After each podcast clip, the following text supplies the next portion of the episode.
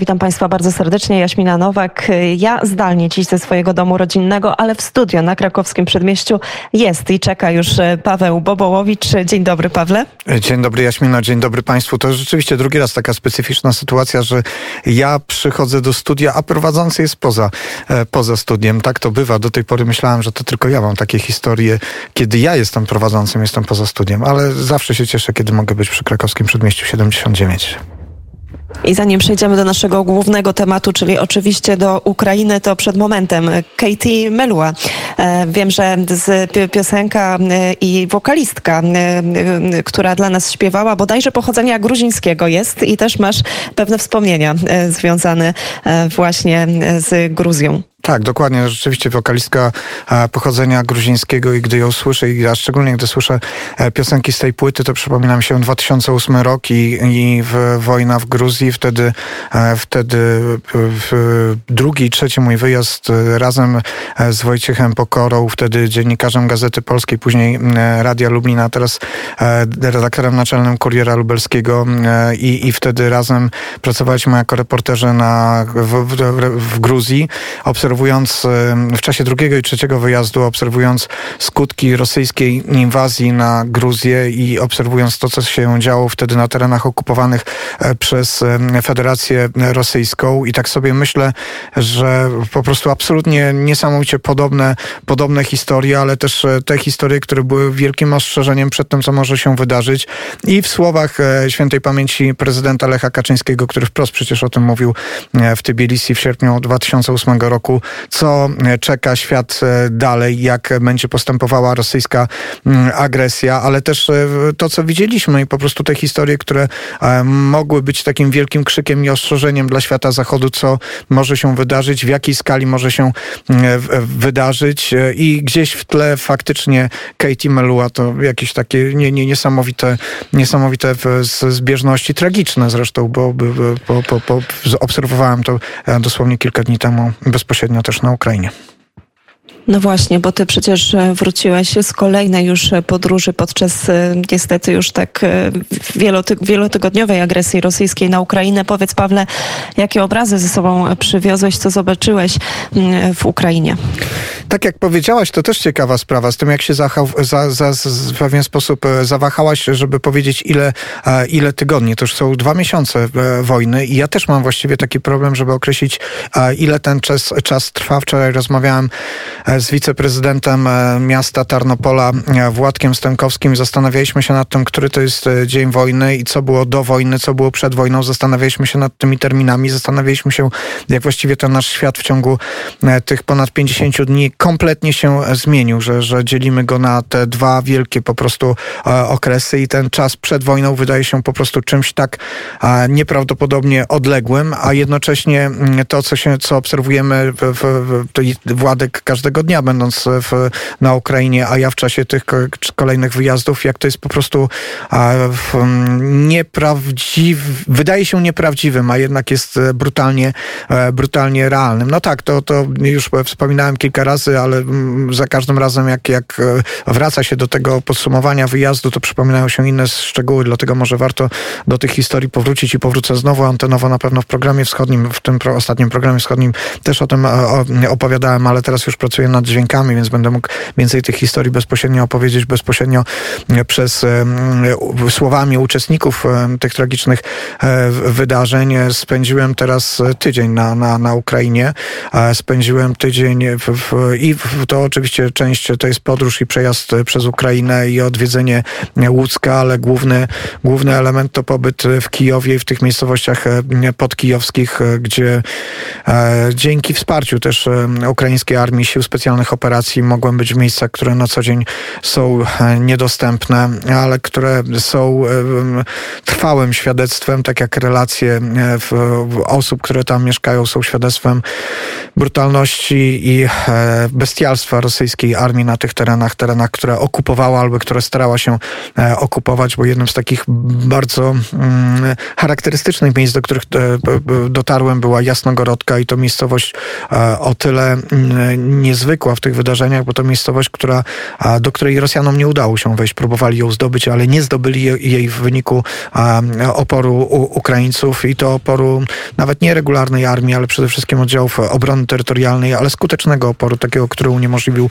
Rosjanom e, wejście dalej, ale jednocześnie miejsca, które na pewno pozostanie i stanie się takim symbolem na kolejne, kolejne lata i być może w ogóle trwałym symbolem w historii Ukrainy, bo to miejsce, w którym e, ksiądz prawosławnej cerkwi Ukrainy, e, czyli tej nowej, może nie nowej cerkwi, ale tej cerkwi, która w 2018 roku otrzymała Tomos, czyli została uznana przez Konstantynopol jako e, cerkiew ukraińska, autokefalia ukraińska, rzeczywista cerkiew ukraińska. Tam ksiądz prawosławny, ksiądz Rostysław, widząc, że zbliża się rosyjska kolumna, wyszedł do nich nieuzbrojony, wyszedł z krzyżem w rękach i z rosyjskiego pojazdu pancernego oddano serię w jego kierunku z ciężkiego karabinu maszynowego. Ksiądz e, tam poległ przy tym takim e, posterunku wjazdowym do, mm, do Jas Jasnochorodki.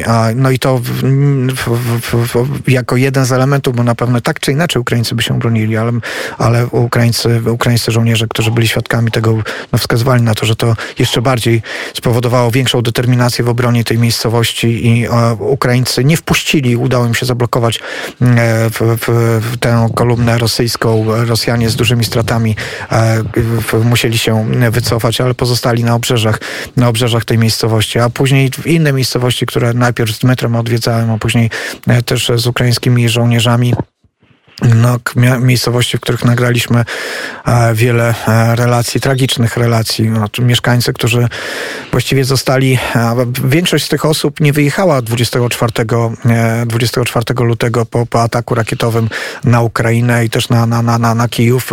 Wiele z tych osób po prostu starało się, sądziło, że tam wojna do nich nie dotrze. To jest bardzo charakterystyczny element w tych relacjach. Ludzie do ostatniego momentu nie chcą wierzyć, że wojna dotrze do ich domów, że nawet w, w słysząc już wystrzały, wciąż liczą na to, że e, wojna jakoś ich e, nie dotknie. Mało tego, gdy już Rosjanie wchodzili do ich miejscowości, to wciąż towarzyszyło wielu osobom takie przekonanie, że nie dotrą na ich ulicę, że ta ich ulica zostanie e, w jakiś sposób ochroniona, ale też z takiego zwykłego, no, bardzo logicznego założenia te osoby wchodziły, no bo na ich ulicy nie było żadnych instalacji wojskowych, nie było żadnych żołnierzy, nie było niczego, nie było żadnych zakładów, które warte by było zniszczenia i nagle okazuje się, że rosyjski czołg czołg wjeżdża i po prostu zatrzymuje się przy każdym domu, oddaje salwy w stronę tego domu, a, że strzelają ciężkimi karabinami maszynowymi, a, mając świadomość, że tam są ludzie i po prostu, że ci Rosjanie bestialsko niszczyli dom po domu albo wybierając losowo e, domy do, do, do strzału bez żadnej logiki. To nam tak chodziło o to, żeby po prostu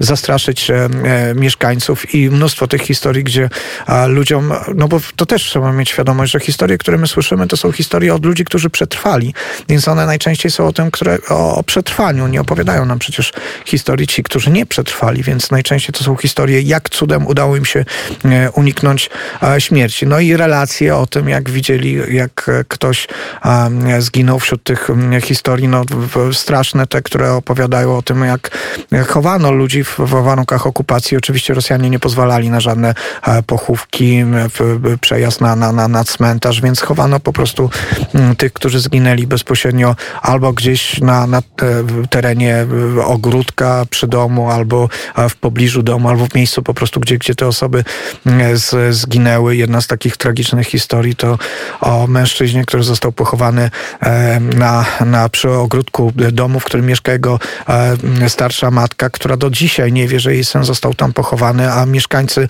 nie chcą teraz e, przyjść i, i wykopać tego ciała ze względu na to, że mają świadomość, że to spowoduje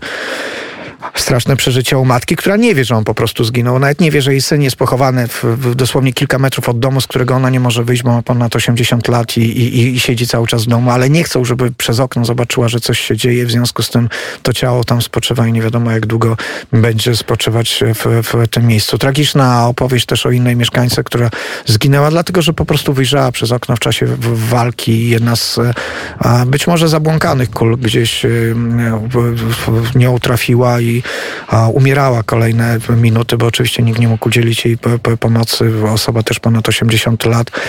Jej wnuczka, która weszła do domu, usłyszała, że, że babcia myślała, że ma po prostu zawał serca i nie, nie wiedziała, że dostała, została postrzelona. Wnuczka się zorientowała, bo babcia leżała w kałuży krwi, miała ranę postrzałową w szyję i na jej rękach umierała kolejnych kilkanaście minut. No takich historii jest mnóstwo i one, nie chcę, żebyście Państwo pomyśleli, że patuję tym, tym, tym opowieściami o śmierci, ale, ale tak to po prostu tam w, w, wygląda. I w tych opowieściach myślę, pojawia się... Myślę też... Pa...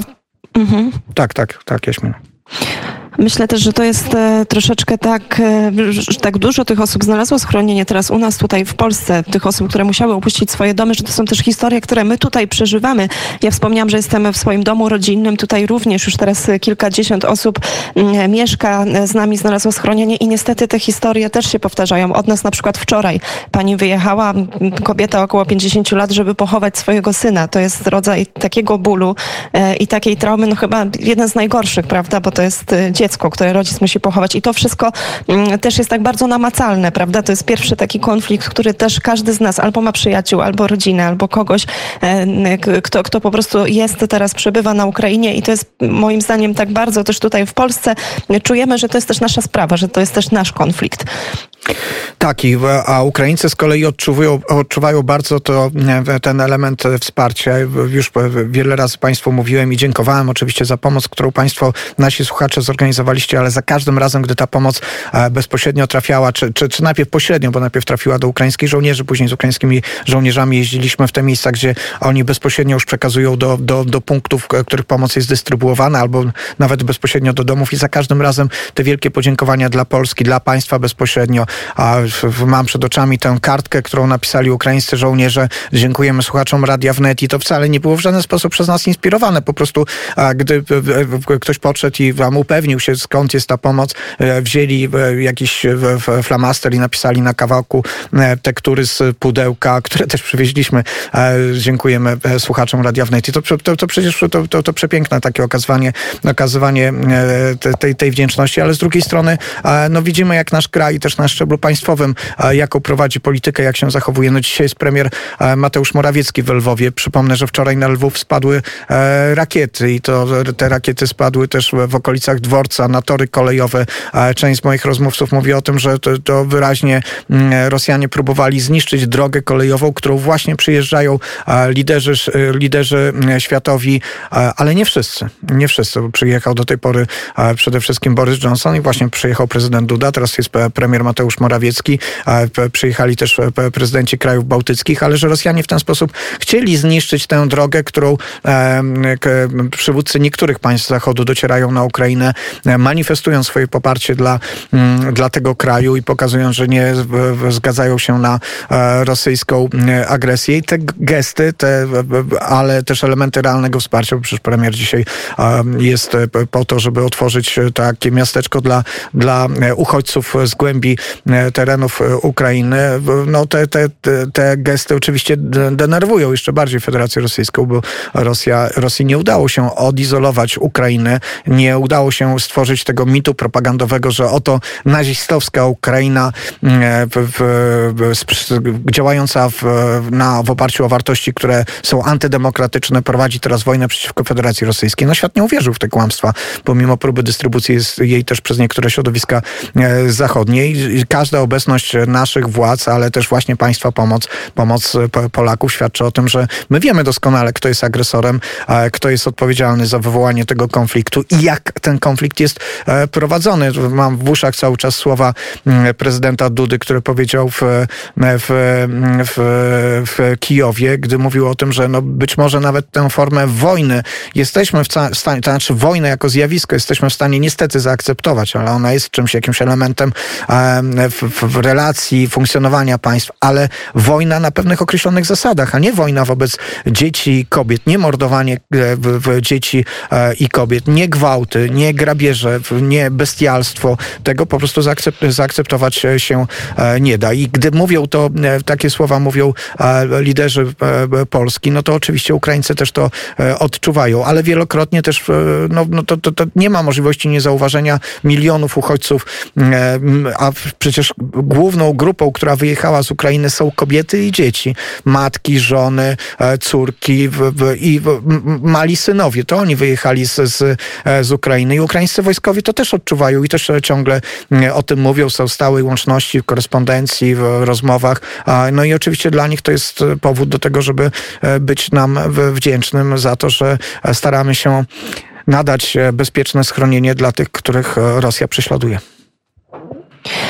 Pawle, to musimy jeszcze na moment wrócić e, do tematu tych zbrodni wojennych. To jest trudne, ale o tym też mówić e, trzeba właśnie po to, żeby świat usłyszał i żeby ten sprzeciw był jeszcze e, większy. Za chwilę porozmawiamy na temat Mariupola. To tam teraz mówimy już o największej chyba klęsce humanitarnej, jeżeli chodzi o całą mapę Ukrainy. Ale takie pytanie, jak obserwowałeś, jak rozmawiałeś z mieszkańcami no, tych miejscowości, gdzie te straszne zbrodnie wojenne cały czas są popełniane? Czy to jest tak, że pojawił się tam element strachu, czy raczej właśnie na odwrót? To wszystko, co się stało, wywołuje taki bunt i daje większą siłę do tego, aby bardziej bronić, że ten, ten poziom, prawda, bo to tak jest e, psychologicznie, że przekracza się pewien próg bólu i później już ciężko jest człowieka przestraszyć. Ewidentnie to bestialstwo chciało, miało na celu spowodowanie tego, aby Ukraińcy się przestraszyli, aby chcieli wyjeżdżać ze swoich domów, ze swoich miejsc. Jak ty to oceniasz, jak rozmawiałeś z tymi ludźmi już po tym, po tych wszystkich tragicznych wydarzeniach? Wydaje mi się, że tę historię opowiadałem powiedziałem już na antenie, ci z Państwa, którzy ją usłyszą, mam nadzieję, że e, nie będą mieli mi tego za złe, ale w pewnym sensie tak symbolicznie zdefiniował to Wołodymyr Cybulko, ukraiński e, politolog, literat e, i nasz stały komentator przed wojną. Prywatnie też osoba, z którą mam bardzo dobry kontakt. Wołodymyr Cybulko swego czasu skończył studia w Lublinie. To jest też taki element, który nas związał. Wołodymyr Cybulko opowiadał milion razy różne historie o, o Kijowie, ale czy w tym e, odniesieniu do roku 1920 i to też powodowało, że zawsze jakoś mm, e, czuliśmy się no, dobrymi e, kompanami i towarzyszami, dobrze nam się rozmawiało. I gdy Włodymyr Cybulko z, miał to nieszczęście, że znalazł się w strefie okupowanej, ale udało mu się przetrwać tę okupację i w ubiegłym tygodniu byliśmy u niego z Dmytrem Antoniukiem. To, to całkowicie przypadkowo tam trafiliśmy. Nawet nie wiedzieliśmy, że nas tam zaprowadzi to, ta nasza historia i poszukiwanie różnych relacji. Trafiliśmy do domu Wołodymyra Cebulki i rozmawialiśmy z nim i on powiedział tak, że powiedział, że Ukraińcy boją się pierwsze 15 minut, a później dochodzą do siebie i zaczynają e, się organizować i potrafią się e, przeciwstawić nawet w takiej sytuacji jak e, ta wojna. I rzeczywiście, jak on to opowiadał, do świadkiem tej opowieści było jeszcze kilku innych mieszkańców tego terenu, który był okupowany i ukraińscy żołnierze. I wszyscy jakby potwierdzili, że tak to wygląda. I mm, w pewnym sensie takim generalnym myślę, że też to obserwuję, że rzeczywiście po pierwszym momencie strachu, który był i który to strach towarzyszy w takich momentach, mm, ale e, Ukraińcy potrafią się zorganizować. Dlatego tak szybko chcą powracać na te tereny, które są wyzwolone. To nie jest mm, w mojej ocenie akurat najlepszy pomysł, ale e, z kolei na tych terenach e, okupowanych Buczy, Irpinia, Hostomela szczególnie, tam ludzie powracają i bardzo szybko mm, organizują się w, w takim normalnym życiu. Nie ma co prawda jeszcze dostaw, nie wszędzie są dostawy prądu, bo są pozrywane linie energetyczne, ledwo zaczynają się dostawy wody, ale to też tak, że ta woda jest pod bardzo słabym ciśnieniem, bo po prostu te wodociągi są e, podziurawione, ale gdzieś już ta woda się e, pojawiła, ale takim elementem, który widać i to przy tych kolejnych wyjazdach, no mogłem to zaobserwować. W ciągu kilku dni właściwie zaobserwowałem różnicę między pierwszym a drugim wyjazdem na te, te, te tereny już wyzwolone, e, że ruszyły prace drogowe, że łatane są dziury po, po, po, po tych ślady po wybuchach pocisków, bomb, minach. Zresztą rozminowywane są tereny tam, gdzie można rozminować, ale te, te miny, które pozostawili po sobie Rosjanie, chociaż mówi się oczywiście, że to jest proces, który może trwać rok, a nawet dłużej, no to jednak ten proces od razu ruszył i że jest takim, chociaż z jednej strony wiemy, że Ukraina cały czas jest ogarnięta wojną, ale na tych terenach wyzwolonych, na tych terenach, gdzie udało się przegnać armię rosyjską, od razu zaczyna wracać e, życie i to jest e, rzeczywiście budujące. To jest taki, taki jeszcze jak na to nałożymy to, że myśmy to obserwowali, czy ja to obserwowałem z perspektywy przygotowania do świąt wielkanocnych. No, ja dlatego, że Ukraińcy święta wielkanocne będą mieli dopiero w tym tygodniu, ale dla mnie to był też taki moment symboliczny, gdzie widziałem to po prostu odrodzenie, odbudowanie, nowe życie, przezwyciężenie zła i, i no to, to naprawdę w tej całej tragicznej sytuacji, w tych tragicznych opowieściach, w, w tych łzach, które tam cały czas towarzyszą, to jednak oczywiście był element taki pozytywny i gdzieś budzący nadzieję, że Ukraina po pierwsze nie da się tak łatwo, a, albo w ogóle się nie da zgnieść, a e, z tego ucisku bardzo szybko będzie e, w stanie się e, podnieść, czego też Ukraińcom na pewno w tym okresie świątecznym można życzyć.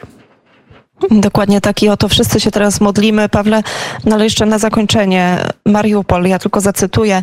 W Mariupolu zmarła lekarka Owena Kusznir. To ta kobieta, która na początku marca nagrała film, w którym tak prosiła, apelowała tak naprawdę o to, aby ludzie nie mówili o tej heroicznej walce Ukraińców, ale aby już teraz pomagali cywilom. Nie otrzymała tej pomocy od świata. Tak napisała na Twitterze szefowa Ukraińskiego Centrum Wolności Obywatelskiej Aleksandra Matwijczuk. No i niestety nie da się ukryć, że chyba wszyscy wszyscy, jak obserwujemy te dramatyczne informacje, które płyną z Mariupola, mamy gdzieś w sercu takie poczucie, że no tutaj świat zawiódł, prawda?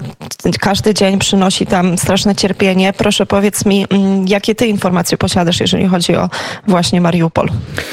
No tak, te informacje z Mariupola e, niestety są e, te, te, te tragiczne, bo mamy świadomość e, cały czas, że trwają tam straszne walki, a trwa też właściwie masakra ludności cywilnej, bo w, w, z Mariupola nie udało się wyjechać, a część osób po prostu nie chciała wyjechać pewnie jeszcze tysiącom e, mieszkańców cywilnych. O, o tym też e, informują ukraińscy żołnierze, którzy pozostali e, na terenie Mariupola i prowadzą tą heroiczną walkę, ale piszą o tym, że przecież na, na tych terenach znajdują się też cywile, którzy e, schronili się w, w, u, u, nich przed e, Rosjanami, a, i, a Rosjanie jednocześnie wykorzystują każdy rodzaj broni w tym momencie do strzałów e, Mariupola. te deklaracje Kadyrowa muszą przerażać, które mówi o tym, że zostaną wybici wszyscy e, banderowcy, a to przecież to, jest jakiś tam mit tych banderowców. No oni po prostu mordują pod tym hasłem każdego e, Ukraińca, każdą osobę, która po prostu nie zgadza się na to, żeby e, to były tereny rosyjskie, albo która nawet teraz nie to, że się nie zgadza, ale została po prostu na terenie Mariupola i, i może być przez nich prześladowana. A ten list do papieża Franciszka w, w, w ukraińskich wojskowych też jest takim chyba jednym z takich elementów, które musi budzić i, i nasze sumienia, szkoda, że nie, może nie wszystkich, ale ten apel jednak o to, żeby, żeby spowodować, że Rosja przestanie mordować e, cywilów. No wiemy o, o tych krematoriach, zresztą okazuje się, że też um, słyszeliśmy relacje też z tych terenów Buczy i Irpinia, że tam też były te mobilne krematoria, które wo, wożą ze sobą Rosjanie, czy przygotowani na to, żeby utylizować e, ciała być może nie tylko swoich żołnierzy, by ukrywać skalę swoich strat, ale też właśnie może przygotowywali się od początku do, do, do tego, żeby zacierać e, ślady e, zbrodni wojennych, a szczególnie myślę, że po tym, co stało się e, po tych odkrytych grobach i o informacjach o zbrodniach popełnionych przez nich na, na, terenie, na terenach wokół Kijowa, teraz pewnie będą zacierali ślady swoich zbrodni właśnie w Mariupolu, a relacji jest mnóstwo o skali tych, tych, tych zbrodni, których dokonywali. Zresztą ta informacja o tym, że Putin nagradza żołnierzy, którzy bezpośrednio brali udział w, w, w walkach na, w obwodzie kijowskim, czyli na pewno w jakimś stopniu uczestniczyli w ludobójstwie e, na tym terenie, czy jako sprawcy, czy, czy, czy jako ci, którzy wydawali e, polecenia. Oni już dzisiaj dostają najważniejsze odznaczenia rosyjskie z rąk e, Putina. No możemy sobie wyobrazić, jakie to powoduje, jakim jest sygnałem dla tych żołnierzy, którzy mm, zdobywają teraz Mariupol i co może się stać Mariupolu, jak go zdobędą w, w pełni. No to, to po prostu to przypomina historycznie, to są takie rzeczy jak rzeź Pragi, to, to są te wzorce, zresztą Kutuzow to jest bohater po prostu narodowy w Rosji. Nic dziwnego, oni sięgają po prostu do takich, do takich wzorów, czyli do, do ludobójstwo jest dla nich wzorem do, do, do, do naśladowania. Nic dziwnego, że, że bohaterami są NKWDyści, te wszystkie formacje, które KGBiści, no to przecież Putin sam jest wychowany w duchu KGB, że takie wzorce powodują później, że tak się zachowują w, te, w, tych, w tych miejscach. A ci kadyrowcy, którzy na polu walki okazuje się, że są po prostu tchórzami, ale jednak ich te filmy, informacje, ta buńczuczność na tych filmikach w mediach społecznościowych też przyniosła trochę rezultat, bo Ukraińcy w, tych miejscach, w których rozmawiałem, strasznie bali się właśnie, że na, na ich terenie będą kadyrowcy i dzisiaj, gdy mówi się o tym, że Mariupol właśnie ma być oczyszczany rękami kadyrowców, to na pewno też musi wywoływać, wywoływać strach. Ale ja wiem, że to, znaczy chyba sam nie mam takiego przekonania, że to cokolwiek może pomóc, ale chyba jesteśmy zobowiązani do tego, żeby wciąż do tego apelu i do tego krzyku z ruin Mariupola się e, dołączać i żeby po prostu krzyczeć, krzyczeć, pomóżmy im, niech świat ich, im pomoże. No niech nie dojdzie do tej wielkiej, wielkiej zbrodni. No niech uda się pomóc w przezwyciężeniu tej blokady Mariupola. Za każdą cenę świat powinien to teraz zrobić przerwać blokadę Mariupola, umożliwić wyjście cywilom i dać broń, jeżeli taka jest wola, to żeby Ukraińcy mogli do końca, ale godnie jednak walczyć.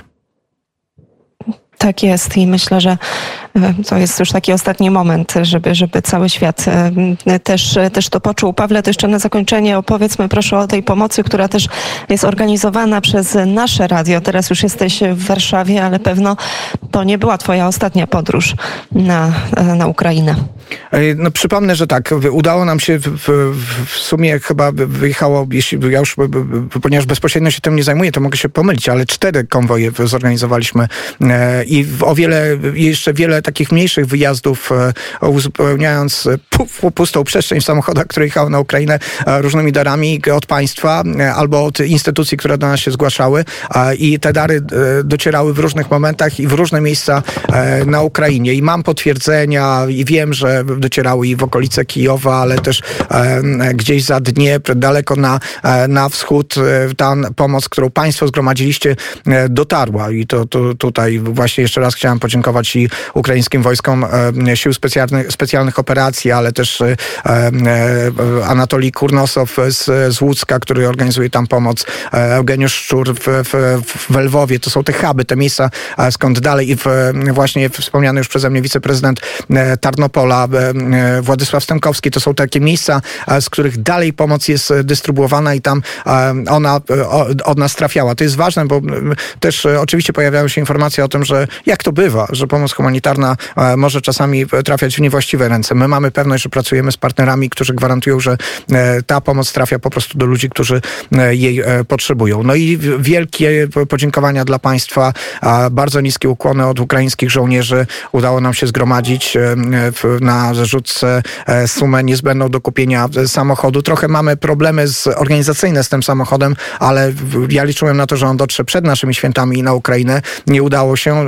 Mam nadzieję, że teraz uda się to nam w, w tym tygodniu, że ten samochód pick-up trafi do ukraińskich zwiadowców, będzie im służyć. A wielokrotnie widziałem, jak te samochody są niezbędne i potrzebne i może się wydawać to dziwne, że stare samochody, ale tak, właśnie te stare samochody okazują się najlepsze w tych warunkach i w, służą w miejscach, e, e, które, mm, które po prostu no, są bardzo skomplikowane i drogowo. To, przecież, to, to nie są, nie jeździ się super autostradami, tylko jeździ się po prostu po polach, po, po, po lasach i te samochody pick pick-upy się po prostu bardzo e, sprawdzają, więc e, odpowiednia suma jest, samochód jest wybrany, kończymy jakieś tam kwestie formalne i samochód powinien w tym e, tygodniu przejechać granicę, przekażemy go po drugiej stronie.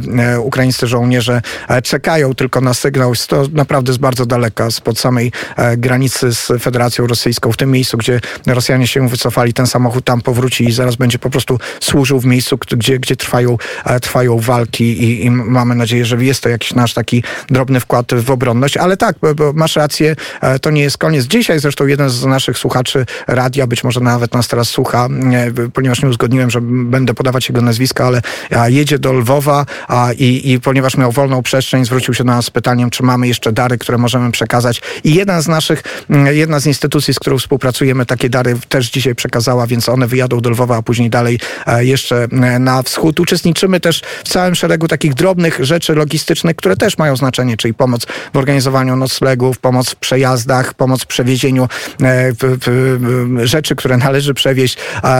To są drobne elementy, ale, ale udaje nam się je organizować ten dział naszej pomocy to robi, także też e, naszym kolegom e, radiowym, którzy tym się zajmują, serdeczne, serdeczne podziękowania, ale przede wszystkim Państwu, którzy umożliwiacie, że ta pomoc jest możliwa. Bardzo, bardzo mm, dziękujemy, że to się udaje zrobić. A jaka następna forma pomocy? Jeszcze nie miałem czasu na spokojnie porozmawiać z naszym szefem Krzysztofem Skowrońskim. Dzisiaj chwilę spotkałem się z Lechem Rusteckim, ale to było za krótko, żebyśmy uzgodnili, co dalej będziemy robili, ale na pewno na tym nie poprzestaniemy, bo Ukraina pomocy potrzebuje.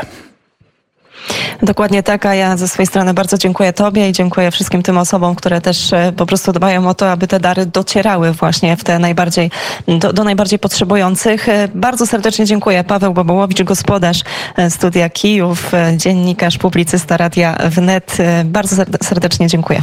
Dziękuję i chyba mogę już zapowiedzieć, bo w tym tygodniu o godzinie 12.30 będę Państwu codziennie opowiadał, być może z wyłączeniem jednego dnia właśnie, gdy pojadę na Ukrainę, ale będę opowiadać o tych sprawach o tych rzeczach, które robimy, o tych rzeczach, które tam się dzieją e, i, i e, będę rozmawiał też z osobami, które cały czas e, są na Ukrainie i obserwują to, co się dzieje, w tym szczególnie nasi reporterzy, którym też bardzo serdecznie dziękuję.